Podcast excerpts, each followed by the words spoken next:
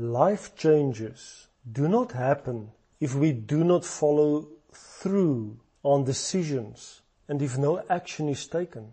Many people are serious about their convictions of belief and they have sorted it out over the years and their minds are set on it, being so convinced of their religious convictions that they are even prepared to fight for it. However, few people are willing to give themselves to the Father in humility and obedience and to just live the kingdom principles. Yes, obedience has a price, namely to forget yourself and put others first. God wants us to submit wholeheartedly to discipleship and to being changed into His image. But it is only possible if our will is completely controlled and brought in line with God's will. Obedience is an important key in growth and change in people's lives. Without obedience, the revelation which we already have in our spirits will not take root and no change will take place in our lives or in the lives of the people around us. No new value system will be established if we do not obey. The Bible is also very clear about obedience. 1 Samuel 15 verse 22 reads, And Samuel said, Has the Lord as much delight in burnt offerings and sacrifices as in obeying the voice of the Lord? Behold, to obey is better than sacrifice, and to heed than the fat of rams. Matthew 7 verse 21 to 23.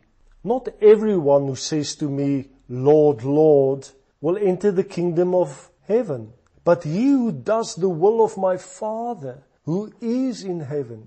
Many will say to me on that day, Lord, Lord, did we not prophesy in your name and in your name cast out demons and in your name perform many miracles? And then I will declare to them, I never knew you. Depart from me, you who practice lawlessness. So we see they did not obey God's will. 2 Corinthians 2 verse 9.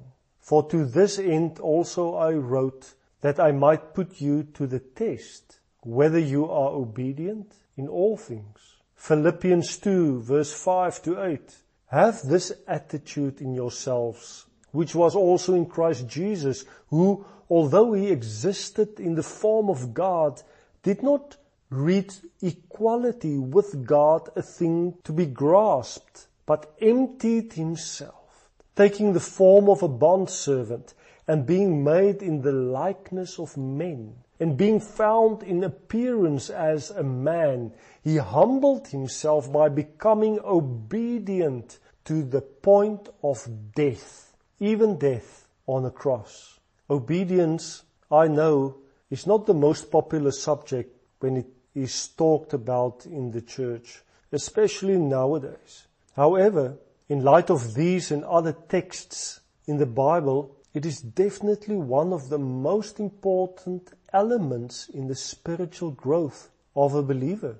If we ignore obedience, we rob ourselves individually and collectively as a church of the meaning of existence because without obedience we cannot fulfill the Great Commission. There may be different ways on handling obedience and how to mobilize people regarding obedience, but it remains a pertinent and cardinal requirement of the gospel of Jesus Christ.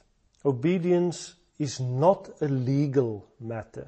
It is not something forced on us, but if we approach obedience from the point of view of grace, through the understanding of a love relationship between a father and his child, then obedience becomes a beautiful thing in our spiritual life and will result a closer walk with Jesus and Father. One of the most precious texts in this regard is John 14 verse 21 and 23.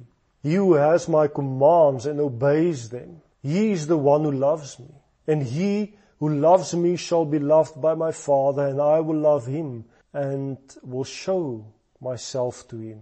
Then in verse 23, Jesus answered and said to him, If anyone loves me, he will obey my teachings. My Father will love him, and we will come to him and make our home with him. This is so precious because if you are obedient, Jesus says here that the result of it will be that the Father will love you. Jesus will love you and He will reveal Himself to you, show Himself to you and you will experience Him as a reality. All because you obey His commands and do what He teaches in obedience. This is not so much conditional as it is an invitation towards an experience of His love and fellowship. The fellowship of God the Father and His Son living with you is promised for being obedient. Wow. This is why I had to share more about obedience with you here because we should not think that it is just additional knowledge. No, obedience has no benefit as knowledge. Jesus is speaking in these texts with you and with me and we have to obey His commands and teachings and then we will experience life in abundance as a result.